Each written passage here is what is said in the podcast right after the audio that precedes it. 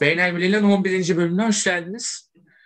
Bu dört maç bayağı böyle zevkli dört maç olarak diye tarif edecektim ama sonunda bir maç daha yaşadık. O bizim tadımızı kaçırdı. Ee, ama diğer üç maç bayağı yani ismen veya cismen çok iyi maçlar olarak tarihi geçti diyebilirim en azından. Ee, bir tanesi tarihi değiştirdi. Bir tanesi e, şampiyon eledi. Bir tanesi e, kıran kırana oldu ve uzatmaları bile canavar gibi geçti. Böyle maçlar izledik. E, bu bölümde Kubilay'la birlikteyiz. E, Kubilay hoş geldin. Nasılsın? Nasıl hissediyorsun? Hoş buldum Müjdat. Harikayım, muhteşem hissediyorum. Yani evet. uzun zamandır bu kadar mutlu olmamıştım. Sen nasılsın? Valla ben fena değilim. Orta şekerli diyeyim.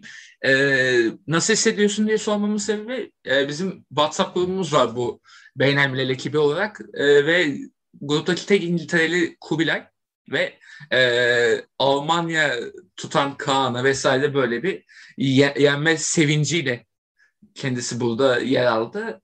Ee, daha bizle karşılaşmadıkları için sevinsinler diyorum. İtalya şeyi partizan olarak ben. Ki nasıl İtalya teröristliği yaptığımı gördüm e, dün akşam. Ben e, bir an korktum gerçekten şey böyle kavga çıkacak orada diye. Yok. Ama... finale kalırsa görürsün ne olacağını. Finale kalamayacağınız için sıkıntı yok. Müjdat. Göreceğiz. Göreceğiz bakalım. Biz Bonucci gibi maç söylemeye hazırız Antşermet'le birlikte. Ee, neyse delelim artık. E, Fixture'dan ilerleyelim ve ilk maçtan başlıyorum. İspanya Hırvatistan. Yani ki zaten bu arada şöyle bir durum oldu. E, dünkü maçların ikisi de aşağı yukarı aynı senaryoda gerçekleşti. 3-1 öne geçti favori takım ve sonrasında plase takım yani favori olmayan takım maçtaki 3-3 buldu ve maçı uzattı. Ama şimdi biz ilkini konuşalım. İspanya Hırvatistan. Ee, İspanya'nın hep bitiricilik problemi olduğunu söylüyorduk vesaire. Bitiricilik problemi şu an farklı varyasyonlarla aşmaya başladılar ama savunmadaki istikrar problemi ortaya çıktı bu sefer de. Ee, ve Hırvatistan gibi tabii e, ne olursa olsun tehlikeli silah, silahları olan bir takım da yani İspanya'yı zorla etti ama İspanya yani özellikle de çok fazla silahın oluşuyla yani ki bu arada Luis Enrique diğer hocalardan iki oyuncu daha az getirdi turnuvaya. 24 oyuncuyla geldi.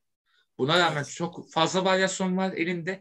E, denedi denedi buldu bir şeyler ve yani uzatmalarda da skor olabilecek müdahaleleri yapmış oldu. Ki bu arada Forvet'i o kadar kötü oynamasına rağmen o bile gol attı Morata. Kötü kötü diye diye adam zaten 2-3 tane gol attı bu arada. Ee, saçma sapan bir şekilde ilerliyor İspanya çift turnuva ve e, ikinci maçında da bir beş daha attı İspanya. Burada topu sana atayım. Sence İspanya Hırvatistan maçı senin için nasıldı? İspanya Hırvatistan maçı açık söyleyeyim zaten e, İspanya'nın favori olarak geldiği bir maçtı. Hırvatistan... Bu arada bir şey koyacağım. Ee, bir sonraki maçı konuşacağız ya Fransa İsviçre. Ee, evet. İspanya Hırvatistan'da İspanya o kadar favori değildi mesela. Fransa İsviçre'de evet. mesela 80'e 20 diyorsak İspanya Hırvatistan'da 60'a 40'tır. Böyle 55'e 45'te ufak bir fark aslında. Bunda da en büyük etken Hırvatistan'ın kadro kalitesinin İsviçre'ye göre çok daha üstün olması ve Hırvatistan'ın son Dünya Kupası finalisti olmasıydı. Aynen öyle. O yüzden. O kadrodan e, sadece 2-3 değişiklik var. Mesela en büyük değişikliklerden biri de Hırvatistan'da şey e, Ivan Rakitic yok biliyorsun. Rakitic yok, Mandzukic yok. Bunlar bayağı kritik adamlar yani. Mandzukic zaten yani Hırvatistan futbolu için çok önemli bir forvetti. Aynen E, maalesef son e, iki senedir falan doğru düzgün forma giyemediği için zaten buraya gelmemeyi de hak etti. Yani aynen öyle. E, maç hakkında ya, İspanya evet e, kağıt üstünde az bir farklı favoriydi. Ama e, maçın ilk başında biliyorsun maalesef Unai Simon ve Pedri'nin anlaşamayıp Evet ya. E, kendi kalesine kötü bir golü oldu ve dedim ki Allah Allah Hırvatistan acaba yine bir sürpriz yapar mı? Hani final yolunda iyi gider mi dedim. Tabii orada e, maçı bence en büyük etkileyen e, oyuncu Sarabya'ydı. Pablo Sarabia, evet. Sarabya'nın iyi oyunu e, ve e, şöyle söyleyeyim dakika 75'e kadar İspanya'nın Rolando oyunu devam etti. Aynen 75'ten sonraki değişikliklerle beraber özellikle e, Hırvatistan açısından değerlendirecek ama Paşar için girmesi Paşar içi 18 yaşından beri takip eden biri olarak e, bu gelişimini görmek zaten beni çok sevindiriyor, çok duygulandırıyor. Paşar için girmesiyle beraber oyunu tamamen yıktı öbür öteki tarafa Hı-hı. maçın sonlarına doğru. Yani 90 dakikanın sonlarına doğru dersem daha Aynen. daha doğru olur. Hı hı. İlk başta Oršić, ikinci ondan sonra da Paşar için golleri yine Oršić'in asist, asistiyle. Aynen. Maçı 3-3'e getirdiler. Daha dedim ki herhalde maç yani çünkü İspanya moralmen çöktü. Hı hı. Yani büyük ihtimalle dedim maç yavaş yavaş penaltılara gider. Hani bundan sonra rölanti bir maç izleriz. Abi hiç öyle olmadı. Daniel Olmo denilen bir e, manyak çıktı ve iki tane hı hı. muhteşem asistle e, maçı çözdü. Birin, birini yüzde birinde yüz üçte yaptı. Hı hı. Muhteşem bir asist yaptı. Ben çok e, zaten Daniel Olmo'yu da çok severim. Hı hı. E, e, maç açısından harika bir maç. Gerçekten bir o, bir o tarafta bir bu tarafta harika bir maçtı. O ayın 28'inde olan iki maçta muhteşem maçlardı. Canavar gibi maçlardı aynen öyle ve e, ben şunu diyeceğim. Ya bence hem mesela etki eden iki adam diye bahsettik ya maçın sonlarında. Bir Paşaliç, iki de Dani Olmo. Ee, evet. Bence ta- takımlarının ruh hali oyunculara da biraz yansımış gibi geliyor bana. Ki Atalanta'nın diğer oyuncularını da çok bahsettik. Mele'yi bahsettik. E, Pessina'yı bahsettik. E, atıyorum işte Paşaliç'i şimdi bahsediyoruz. Bir Malinowski haricinde diğer hepsi böyle e, ısıran fark yaratan oyuncular olarak öne çıktı turnuvada.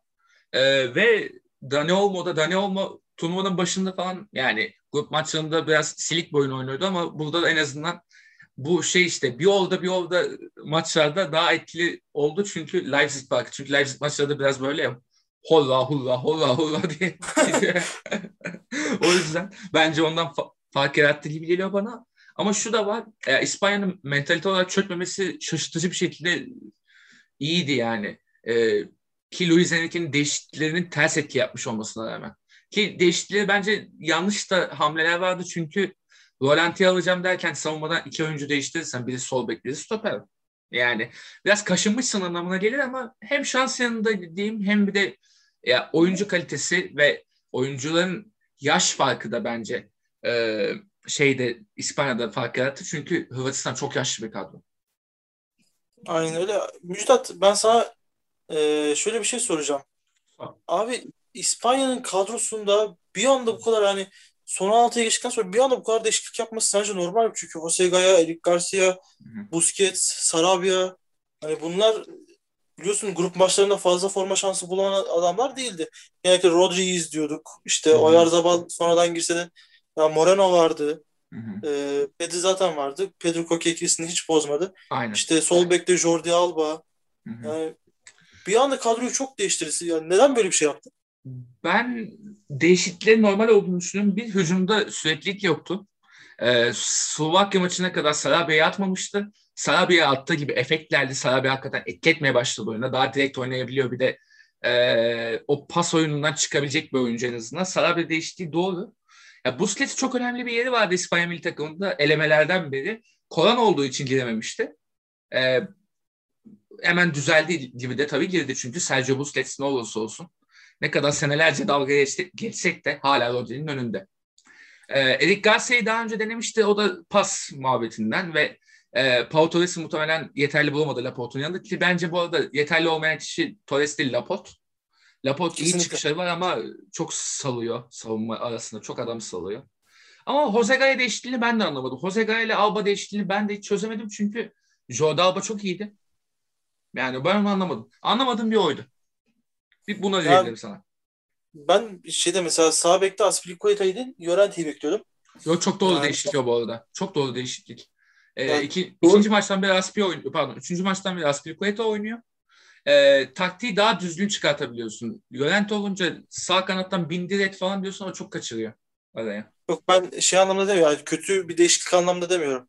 Hı hı. Benim beklentim anlamında ben sağ bekte Llorente, Marcus Llorente'yi bekliyordum. Hı hı.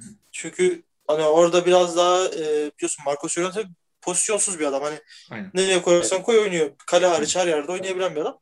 Aynen. Ve sağ bekte ilk maçta e, biraz iyi oynadıktan sonra e, iki maçta biraz iyi oynadıktan sonra Aspilicueta'yı ben pek, de, pek beklemiyordum. E, üçüncü maçta herhalde biraz rotasyon yaptı. yaptı. Slovakya biraz güçsüz rakip. O yüzden şey yaptı ama Aspilicueta gerçekten çok doğru bir hamle olmuş. Aynen. Yani İspanya'nın bu komplike oyununda bir de Aspilicueta tecrübeli. Çok yani sağ bek, stoper sağ bek tecrübesi olan bir adam. E, komplike oyunda çok önemli yer edindi. Golünü de attı. E, ya Luis Enrique oynayacağı kumarı gerçekten çok iyi oynadığı zaman çok iyi futbol, futbol zevki veriyor bize. Kesinlikle. Yani Luis Enrique'nin zaten iyi bir hoca olduğunda şüphe yok. Ee, ama İspanya'nın bu kadrosunda eldeki malzemeden ne çıkaracağı biraz sıkıntılı. İşte dediğim gibi Forvet'te Morata veya Moreno var. Atıyorum net bir yıldız oyuncu tam çıkmadı vesaire. Bunları oturttu oturttu zamanla İspanya daha da iyi olacaktı ama ya bu turda ne yapacak? Çeyrek finalde ne yapacak? Onu ben de hiç bilmiyorum. Göreceğiz bakalım. Ee, o zaman öbür maça geçeyim mi? Asıl e, saçma sapan olan şeye. Oo, evet. Abi çok saçma sapan bir maç ya. ee, ben burada zaten o maçta gömeceğim benim tek bir insan var net bir şekilde ki ne kadar gıcık olduğumu tahmin edebiliyorsunuz benim az çok futbol anlayışımdan. Ee, ama geleceğim şimdi onu sona bırakacağım. Ee, Fransa İsviçre'ye geldik. Fransa İsviçre canavar gibi oldu malumunuz. Herkesin malumu. Ee, 3-1 öne geçti Fransa. Buradan sonrasını koparttı. Ki bir de Fransa oyunu tutmasıyla bilinen bir takımda hep ama e, bence Fransa'nın defansif olarak çıkacağım diye yaptığı değişiklikler, kadrosunda değişiklikler. İspanya'ya duyuyordun ya neden bu kadar rotasyon yaptı diye. Fransa evet. bunu biraz mecburiyetten yaptığı gibi ama mecburiyetten yaptığı değişiklikler de o kadar rezalet oldu ki. Yani Lömle'nin savunma ortasında olması bence intihar yani. Ee, Lömle'nin kadroda olması intihar değil mi? zaten, zaten, zaten. Aynen öyle. Yani ama bir de üstüne Löngden'in şans bulması o da bir saçma işte. Kunde sakatlanıyor. Ne bileyim e, Pavar'ı kanat beki oynatıyor saçma sapan bir şekilde. Atıyorum sol beke sadece Lucas Hernandez'e değil almış. ikisi birden yok. İşte Rabiot oynuyor o yüzden falan. Yani çok saçma sapan bir durumdu. Taktiksel tercihler çok saçmaydı ve bir de üstüne e, oyuncuların performansı da tam geldi. O 3-1'lik skor tutması beklenen Fransa tutamadı. Elinden uçurdu gitti ki e, Zlatko Dalic'in yaptığı değişiklikler nasıl, nasıl efekt verdiyse burada da Petkovic'in değişiklikleri çatı çatı efekt verdi ki Mehmet'i mesela çok aman aman bir top oynamadı ama diğerleri atıyorum Gavranovic girdi efektini yarattı. Fasnah girdi geldi orta açtı. E, Seferovic zaten Mbabu. baba. Embabu asıl Embabu bu arada aynen. Kevin Embabu zaten uçak. E, bildiğin uçak çocuk. Aynen öyle. Yani Wolfsburg'da Baku ile Mbabu ikilisi böyle cayır cayır coşuyordu. Burada da aynı şey. Baku olmadan da yapabiliyor. Ee, Mbabu'ya da hakikaten müthiş bir performans çıkardı ve yani penaltılara kadar bıraktılar işi. Ne yaptılar ettiler. Ki bu arada e, Fransa uzatmalarda da o kadar zorlayamadı. İsviçre biraz daha böyle bir gelir gibi oldu hatta. Fransa'nın mentalite olarak düştüğünü de gördük ve penaltıyı kaçıran isim onu da sana bırakacağım maçı anlatırken. Buyur Kubilay. Ya senin de tam üzerine dediğin, değindiğin gibi hani uzatmalarda momentumu tamamen İsviçre üstüne aldı. Hani Aynen öyle. E, muhteşem bir e, üstünlük yakaladı. Ya ben Didier Deschamps eleştirirken şöyle bir eleştiride bulunacağım. Ben de ona ee, gelecektim. Ben de sonra onu bıraktım zaten. Yani senin büyük ihtimalle eleştireceğin adam. Hı-hı. Onu düşünüyorum. Ya öyle düşünüyorum. Ya sağ kanat bekte hadi Benjamin Pavard'ı anladım. Abi senin Lucas Hernandez gibi bir adamın kenarda oturuyorken ya neden Adrian Rabiot sol kanat bek oynadı? Ya madem üçlü savunma oynayacaksın. Ya Lucas Hernandez kenarda oturuyor. Zaten İsviçre'ye karşı hücum oynayacaksın. Orada evet. Kingsley Coman bile oynayabilirken yani Lemar bile oynayabilecekken ya evet. sen neden orada Adrian Rabiot'u oynatıyorsun? Bir adam. Hı hı. Utanmazlık ya. Ki Rabiot kendi mevkisi olarak sanılan orta sahada bile rezalet bir futbolcuyken yani bir de utanmadan sol kanat beki oynadı. Yani ben, fatal hata bu. Yani e, Lucas Hernandez kenarda mı oturuyor sakat mı tam bilmiyorum ama yine de onun oynaması saçmalık ki onu da neden yaptı biliyor musun? E, Portekiz maçında e, Dean sakatlandığında onu koydu ya. O yüzden öyle devam evet. etti yani. O ya yok. tuttu sanıp. Lucas Hernandez herhangi bir sakatlığı yoktu. Herhangi bir e, olayı yoktu. Ama yani neden abi? Rabiot neden? Yani bu Rabiot ısrarla neden? Ben onu anlamıyorum. Hani zaten sen savunmada Lönkle'yi çıkarıp bir e, intihar yeleğini giymişsin. İntihar üstünü giymişsin. Hı hı. Yani, bu arada ben sana bir şey soracağım. Bu konuda sadece bilgim olmadığı için soracağım. Tabii. Ya U21'de oynayan adamlar, U21 Dünya Kupası ya da Avrupa Kupası'nda oynayan adamlar milli takıma çağrılmıyor mu? Öyle bir kural mı var? Yo ne alaka? Abi Upamecano neden yok?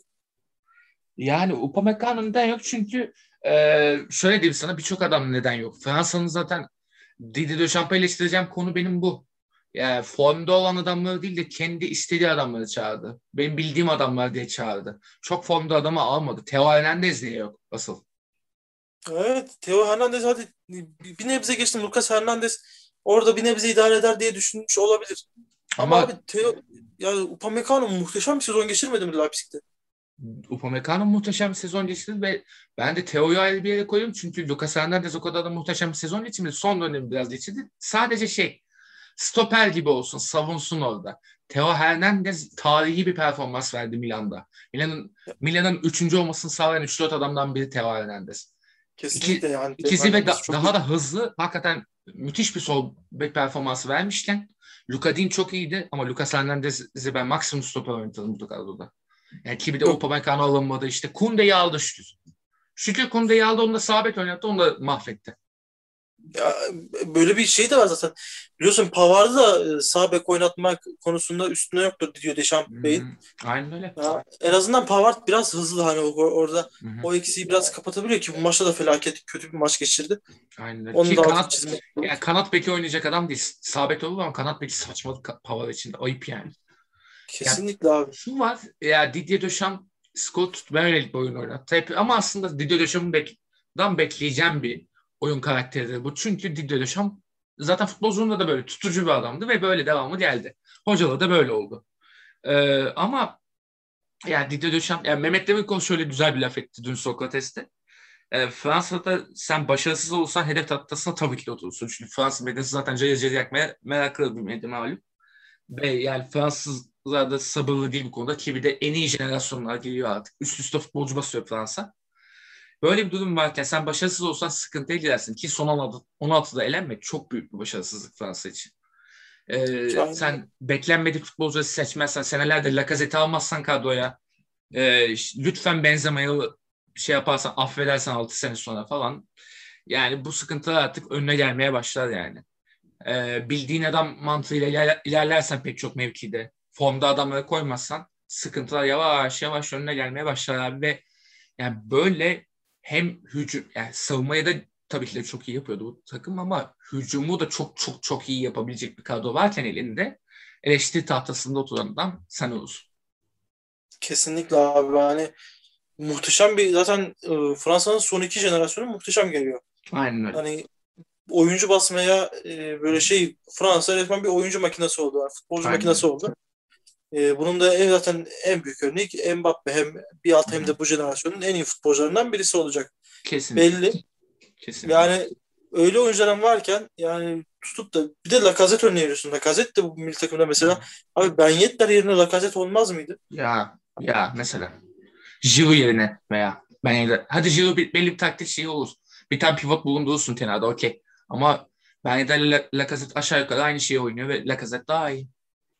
Kesinlikle yani, yani Lacazette'in bitiriciliği Benyetta'dan çok daha iyi. Kesinlikle. Ya, utanç yani, verici ne diyeyim utanç verici diyorum ben başka bir şey demiyorum yani bu kadar artık. Çünkü ya bu savunmatik performans kazanmadığı sürece eleştirmeye mahkum ve kazanmadı. Artık yapacak bir şey yok yani. Kesinlikle abi. Ama penaltı konusunda da şöyle bir yorumda bulunacağım. Hı hı. Ee, hemen senin sözünü de kestim kusura bakma. Abi bu Mbappe gelirken içimden şöyle bir şey geçti. Hı hı. Acaba dedim ikinci bir Baggio vakası yaşar mıyız? Ama Baggio kadar devrilmedi ya. Mbappe Baggio kadar devrilmedi ama kaybetmeyi bir öğrendi. Çünkü Mbappe evet. kaybetmeyi bilmiyordu o kadar. Kesinlikle. Yani ama e, Baggio konusunda şöyle. Biliyorsun Baggio'da e, İtalya milli takım için her şeydi. Öyleydi. E, o zamanlarda ve penaltı kaçırma kaçırmama konusunda en güvendiği, en güvenilir adamlardan biriydi o. Aynen öyle. Yani biliyorsun Ama... penaltı konusunda şöyle bir durum vardır en güvendiğin e, iki tane penaltıcıyı birinci ilkini birinci sıraya ikinciyi de son sıraya yazarsın. Mesela. E, yani öyle. Mbappe e, kaçırmasıyla beraber yani tarihe geçti. Aynen öyle. Yani yaşanacak da yaşandı ve e, Mbappe ama şey ya daha çok genç bir futbolcu oldu. Lan bunu çok rahat telafi edecekti ama kaybetmeyi öğrenmesi iyi oldu. Ben ona sevindim. ve bir de İsviçre çok sevindim ben ya. Hakikaten çok büyük bir karakter koydu ortaya. Yarısı Kosovalı falan böyle acayip bir takım. Ve taraftarları gördün yani ki İsviçre'den ne kadar e, civilized insanlar, gayet böyle medeni insanlar derken ne, medeniyeti kardeşim o maçtan sonra medeniyet mi kalır? Adam tişörtü çıkardı Aa! falan diye bağırıyordu. muhtemelen akademisyen o adam yani tipiliyorsa akademisyen diyor muhtemelen yani. medeniyet falan kalmaz abi. Şeyi biliyorsundur belki Emre Safa Gürkan var ya tarihçi. Evet. Doçent evet. hatta prof hazırlanıyormuş şimdi. Evet. Ee, o da mesela hasta Fenerli. o da Fener maçlarında böyle coşuyormuş. Fazla sayıda görmüşsündür. Abi futbol yani elitlik falan dinlemiyor abi. Yani takımın gol attığı zaman o elitlikten çıkıyorsun. Öyle özellikle böyle çok önemli bir maçsa. Hı hı. Ya çünkü Ee, toplum oyunu olduğu için futbol, birey oyunu olmadığından böyle e, kitlesel kurtulmalar yaşanıyor. Yapacak bir şey yok. Kesinlikle. Ya ben şu, e, İsviçre konusunda şu konuya değinmek istiyorum. Hı hı. Ya üç tane oyuncunun altını çizmek istiyorum. Siz abi. Birincisi e, Seferovic zaten herkesin altını çizeceği bir isim. Tabii ki de. Muhteşem bir performans gösterdi. Hı hı. İkincisi Granit Xhaka bence maçın adamıydı. Ee, hem e, geride maçı çok iyi tuttu hem de ileride oyunu hı. Serdan Şakir'den çok çok daha iyi kurdu. Ya Çaka muhtemelen Arsenal'a döndüğünde çok üzüldüm. Çaka Arsenal'a dön, döndüğünde muhtemelen şey yani Mikel Arteta onu baya böyle pataklayacak ya. Sen böyle top oynuyorsan niye burada oynamıyorsun diye. Kesinlikle yani Granit Xhaka'da biliyor, Granit Xhaka Arsenal'de biliyorsun saç baş oluyor o Aynen. e, geriye ko- koşamayışlarıyla falan Hı hı. böyle. Aynen öyle. Biraz, biraz ağır bir adam. Aynen. Üçüncü olarak da ben Whitmer'in altını çizmek istiyorum abi. Ya e, Whitmer çıkana kadar muhteşem bir performans gösterdi resmen. Wittmer çok çok iyiydi ama işte yerine giren adam Mbabu. yani o de işte o farkı yaratıyor. Mbabu çünkü çok daha hücumcu bir bek olduğundan Wittmer ama dengeli bir bekti ya şey yani. E, Danimarka'da Vas var ya onun aynısı aşağı yukarı zaten. Mbabu çok hızlı. Acayip derecede hızlı bir adam. hı. Kuduluk Yani- hızlı ya. Mesela FIFA'da falan da ben böyle kariyer Hı hı. yaptığım zaman Mbabu'yu net alırım çünkü adam Hı hı. çok hızlı abi. Gereksiz bir hızı var adamın. Aynen öyle. Ee, bunu da hissettirdi zaten. Asistiyle, asistini de yaptı. Temiz olta. Muz olta tam. Tam bir muz olta o işte kafaya. Kesinlikle Haris Seferovic'i aldı at dedi abi. Yani Aynen öyle. ben daha sana ne yapayım dedi. Aynen öyle. Bu arada şey diyeceğim son olarak. Bence Mbabu itemsiz hakimidir. Hakimi, hakimi PSG'ye satarlarsa muhtemelen Mbabu'yu alır Inter. Inter e, şu anda Hector Bellerin konuşuluyor ama Mbabu olursa da şık olur. Mbabu Güzel olsa olur. daha ucuz, ucuz olur bir de daha da iyi olur. Bellerin çünkü futbolcu değil şaklaban. Bellerin yani. ilk çıktığında çok büyük sükse yapmıştı ama Ama şaklaban oldu ortaya çıktı sonra. evet çok şaka var. ama Mbabu gerçekten Inter'in o eğer Conte sistemine Hı hı. devam edeceklerse Hı hı. Conte oyunda devam edeceklerse Mbabu çok şık oturur oraya. Simone Inzaghi boşuna gelmedi. O, sisteme devam edecekler. 3-5-2 devam. Yani Simone Inzaghi de zaten oynattığı futbolla e, beğenileri üstüne çeken bir hocaydı. Kesinlikle. Da tam böyle cuk oturabilir evet. Ben de bu konuda katılıyorum. Yani itemsizliği biraz item kazandığında, çalınmalı bir yeteneği kazandığında Mbabu orada da rahat rahat ilerler. Ee, neyse artık şu son olarak şeyi geçelim mi? İngiltere maçının sonunu bırakalım. Sen onu bekliyorsun zaten farkındayım da. İsveç Ukrayna'yı bir geçelim mi? Ukrayna kazandı ama rezalet bir maçtı. Bu arada Ukrayna 120 artı 1'de attığı kafa golüyle kazandı ama yani enerjimden enerji çaldı Bekuble. Fazla konuşmak istemiyorum. O yüzden hemen bir geçelim diyeceğim. Son olarak şunu diyeceğim. Futbol zevkimizi aldınız götürdünüz. Bu kadar iyi, iki iyi süper maç konuştuktan sonra ki İngiltere maçı da tarihi önemi var vesaire. Ee, üç ve sonuncu bu. Yani e, reflü yaptı mı bu maç beni? Reflümü azdırdı ya. Leş, leş gibi bir maç. Ne diyorsun Kule? Abi bu maç hakkında benim ilgimi çeken tek şey kırmızı kart oldu. Hani bunu söyleyebilirim ben. Berbat bir Danielson. maçtı. Danielson. Allah cezasını versin ya. Hiç mi acımadın? çok korkunç, çok korkunç. Ee, Dahan'ın bir yorum var şeyden so Sokrates'te Hükmen Yenik podcastini yapan Dahan'ın bir yorum vardı. Ee, bu adamı gördüğümden beri Zago enerjisi alıyorum kendisinden diye. Kel kafasıyla özellikle hakikaten Zago gibi Allah yarattı demeden daldı. Ya şunu söyleyeyim. Az biraz daha sert girse aa, Besedi'nin büyük ihtimal futbol hayatı bitebilirdi. Sıkıntı yaşadı. Ayağı Sıkıntı çok fena bir anda gevşedi. Ve Evet yani, ya. yani Yani sürekli spor yapan biri olmazsa o ayak orada yani büyük ihtimal 4-5 yerinden kırılıp böyle futbol hayatı bitebilirdi. ya ayak C şeklinde alırdı ayak. Çok kötü bir şeydi yani çok kötü Hı hı. bir şekilde. Ee, bu maçta benim ilgimi çeken tek şey o oldu. Hı hı. Ya Danielson abi yapmayın böyle hareketler. O, o ayağı çekmeyi ya. öğren abi. Korkunç ya. Kaç yıllık tecrübesin ya. Ya sırf o yüzden zaten Ukrayna çıkmasına sevindim. Bir, bir de e, Ukrayna benim şeyimdi. Sürpriz adayım Ukrayna'ydı. Şeva Hoca yüzünden, Şeva Hoca yüzünden çok kayırıyordum onları. E, iyi ki de kayırmışım. Bir de genç bir kadrosu da var ya. E, ne kadar savunması çok dengesiz de olsa, hücumu biraz eski usulü yapıyorlar. Yarmolenko baya böyle takımın agası gibi ilerliyor falan. O havaları da olsa yine de Ukrayna böyle hala bana sevimli gelen bir takım. O yüzden İngiltere'ye karşı başarılı olmalarını isterim. Ama olmayacaklarını da biliyorum. O kadar da abartmaya gerek yok. Bu Yine kadar de ben şey, Şevşenko hocayı tebrik ederim. Kesinlikle. Yani o Büyük iş başarıyor Ukrayna'da. Şu konuda da tebrik edeceğim ben. Ya, son iki maçtaki o sistemdeki hataları anlayıp hı hı. bir anda Zinchenko'yu orta sahadan sol beke çekip stoper 3-5-2 şeklinde hı hı. çıkması çok güzel bir hamleydi. Kesinlikle. Evet. Ya bir de şu var zaten. E, aksan iki nokta vardı. Bir sol bek Mikolenko iğrenç oynadı maç hatırlarsın Hollanda maçında. Bir de Zinchenko'nun evet. ortada oynayışı. Hemen çözdü yani. Bir tane orta saat. Şarpenko'yu at ortaya. Tamam işte bitti. Yani Shaparenko, Sidorchuk, Stepanenko orta sahasında. Bir Hı-hı. de arkaya Zabarni, Kristo, Matvienko stoper üçlemesiyle beraber Mis. gerçekten Mis gibi oldu. Ayakları da güzel. Hatayı anlayıp bir anda değişikliği yapıp Zinchenko'yu da sonunda sol kanat bek oynatıp Aynen. sonunda diyorum. Sonunda Aynen. abi sonunda. Vallahi sonunda. Aynen öyle. Peki sağ kanat beki kim? Fenerbahçe'nin bir dönem forvet olarak aldığı. yok yok 10 numara istiyordu Dikkat Advokat. Sağ bek sağ açık olarak Karabiye ve 6 maç bile oynadı Fenerbahçe'de. Umarım şimdi gelir. Şimdi iyi oynuyor. Gelebilir. şimdi gelemez çünkü yabancı sınır kaldı abi. Aynen. Ya Türk yapsak mı ya? Oluyor mu öyle? Yok mu oğlum? Milli takımı bile alırız. 80'lerde oluyormuş o. Abi olmadı işte bu ya. Olsa 80... milli takımı bile alırdık. 80'lerde Galatasaray'ın 5 yabancısı var 3 hakkı varken. Öyle düşün. Bu maçta Karabayev çok güzel oynadı bu arada. Çok güzel oynadı Aferin. şaka benim. Aynen. Tatlı oynadı. Şevşenko'yu bir konuda da eleştireceğim. Söyle. Yani çok... ondan sonra da geçebiliriz. Hı hı. Abi ya Sigankov oynat abi yani 101'de adam almak nedir ya? Bu adam şov yapıyor Ukrayna'da abi.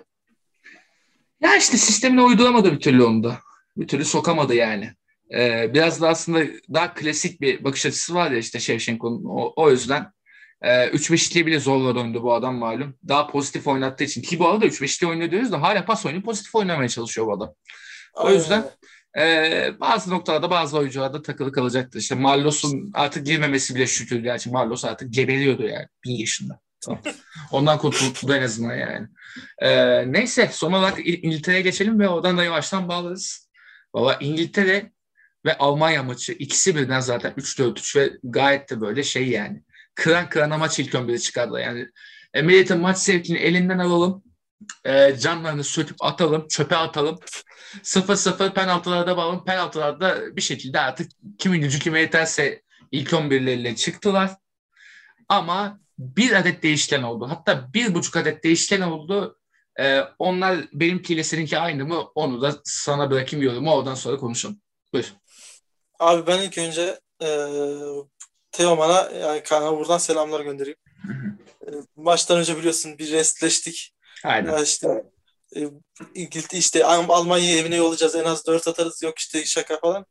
E, hakikaten ya ben bu açık söyleyeyim İngiltere yine 4-2-3-1 bekliyordum. Hani Hı. çünkü İngiltere artık yani gruplarda en kötü rakibine bile 4-2-3-1 oynayınca savunma oynayınca dedim ki herhalde ya bu adam savunma oynayacak bu sezon işte bu turnuvada. Ya, alışalım ya yapacak bir şey yok ama e, biliyorsun turnuvadan önce kadro 100 tane kadro falan atmıştım herhalde sana. Aynen. aynen. Hepsinde 3 hepsinde 3-4-3 diyordum.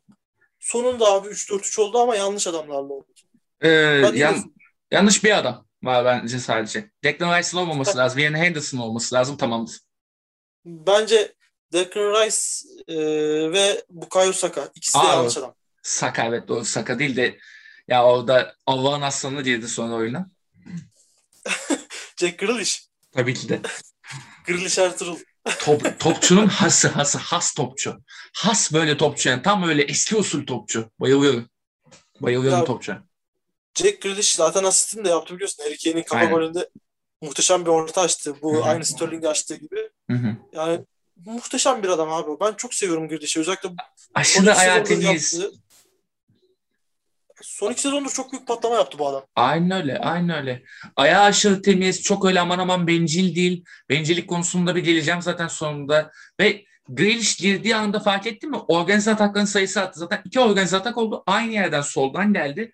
Shaw'la Grealish'in anlaşması sayesinde. Biri Shaw'dan biri Grealish'ten iki tane aynı gol attı İngiltere zaten. Aynen öyle abi. Hani e, şöyle bir durum var. Yani Kyle Walker'ı ben şimdi konuyu tamamen değiştirmeden bir iki detay verip tekrardan Luke Shaw'la Jack Grealish'e geleceğim.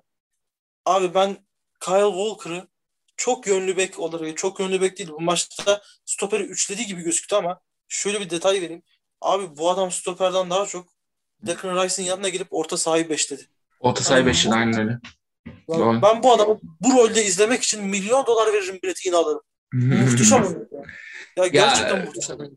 Kyle Walker da pozisyon bilgisi aşırı yüksek bir oyuncu olduğu için her yerde böyle bir destek atabilecek bir oyuncu yani. Bekte de gider o oltayı da yapar yani Kyle Walker. Hakikaten çok büyük oyuncu yani. Ben de çok beğenirim yani. Ondan sonra hemen Luke Shaw'a geliyorum. Abi Aha. bu adam zaten yani ilk maçta Kieran Trippier'i oynattığında dedim ki ne yapıyor bu adam dediğimde Hı hı. ya Luke Shaw kariyerinin en iyi sezonunu geçiriyor. Açık ara. Gerçekten ya sol bek olarak kariyerinin hem Manchester United'da hem de şu an İngiltere milli takımında kariyerinin en iyi sezonunu geçiriyor. Ki bir de araya gireceğim. E, araya gireceğim. Evet. Luke Shaw bir de karanlık yollardan geçip senin senin sular içmiş baya böyle şeydir yani. Çok zorlukla geldi oraya yani. Manchester United'da itile kakala köpek çekile çekile geldi. Senelerce sakat rezil geldi. İstenmedi. İstenmedi bir de bu adam. Hani Aynen öyle. ilk geldiği sezon oynamadı. İkinci sezon zaten ikinci sezon hiç oynadığını hatırlamıyorum. Kupa maçları hariç, FA, FA Cup maçları hariç. Çok uzun süreli sakatlıklar yaşadı o yüzden. Evet. Ama bu sezon gerçekten kariyerinin en iyi sezonunu geçirdi. Hı. Ole Gunnar Solskjaer'in e, yaptığı en iyi dokunuş Luke Shaw'aydı. Bir de Hı. önüne Jack Grealish gibi ayağı temiz bir adamı koyduğun zaman var ya Aynen öyle. ikisi o sol kanadı Hı hı. otobana çevirdi diyeceğim de hakikaten otobana çevirdi. Aynı Çevirdi. organizasyon, aynı e, şey. Biri yerden, biri havadan. iki orta, ikisi, biri Grealish, biri Shaw. iki gol tertemiz bir Almanya galibiyeti. Aynen öyle. Ya bir de şu var Almanya'nın da bitiricilik problemi zaten burada cayır cayır belli oldu bu maçta. Ya bir, ta- bir tane net pozisyona girdiler. Orada da Pickford üstüne düşeni yaptı en azından. Ee, ama şu var Almanya'nın bitiricilik problemi belki zamanla çözülür ve tabii Hansi Flick yönetiminde daha iyi bir takım görürüz ileride ama e, bu maça dair benim söylemek istediğim çok gözüme batan bir şey var. Bu kadar Saka da üstüne düşeni çocuk elinden geleni yapmaya çalıştı ama benim gözüme batan bir insan var ki bence onu e, bir an önce kadrodan kesmeliler ama sadece isimden dolayı oynayacaktır yine. Raheem Sterling. Bok gibi Aa. top oynuyor. Bok gibi oynuyorsun Sterling bence. Abi yani Sterling'in yaptığı tek şey defansın arkasına kaçmak ve Onu yapamayınca Ee, ne olduğunu gördün değil mi? Duvara çarptı Abi- durdu. Bencillik Abi yapayım sürekli- duvara çarpayım. Sürekli ben şunun altını çizeceğim. Hı hı. Ya orta sahadan topu alıp ilerlemeye çalıştı. Hı hı. Ve Hummels yani Hummels Ginter ikilisinin arasında müthiş sıkıştı. Tost Yani- oldu. Orada bir tost oldu. Hemen kendini ne zamanki sağa attı. Rüdiger'in o savunma zafiyetinden yararlandı. Golünü attı. Hani Grealish girdi orada. Ee, ortada karıştırdı. Rüdiger'in oradaki savunma zafiyetinden yararlandığı zaman golünü attı. Aynen öyle. Hani Bir oraya kaçabildi işte. Ki onda da bu arada Kane'e gelecekti top da ama Kane'e gelse kaçırdı. Sterling oradan kaçmaya akıl etti. Ama onun haricinde Yani- şey yani. O devam duvara çarpmıştı. Aşırı bencil hareketleri. Hiçbir yerde pas vermedi. Ki, ki biz geçen programda Insigne'yi çok eleştirdik bu konuda. Hiç oynamıyordu takımla diye. Sterling de takımla hiç oynamıyor yani. Tamam yeteneklisin adam eksiltti ama bokunda çıkarma.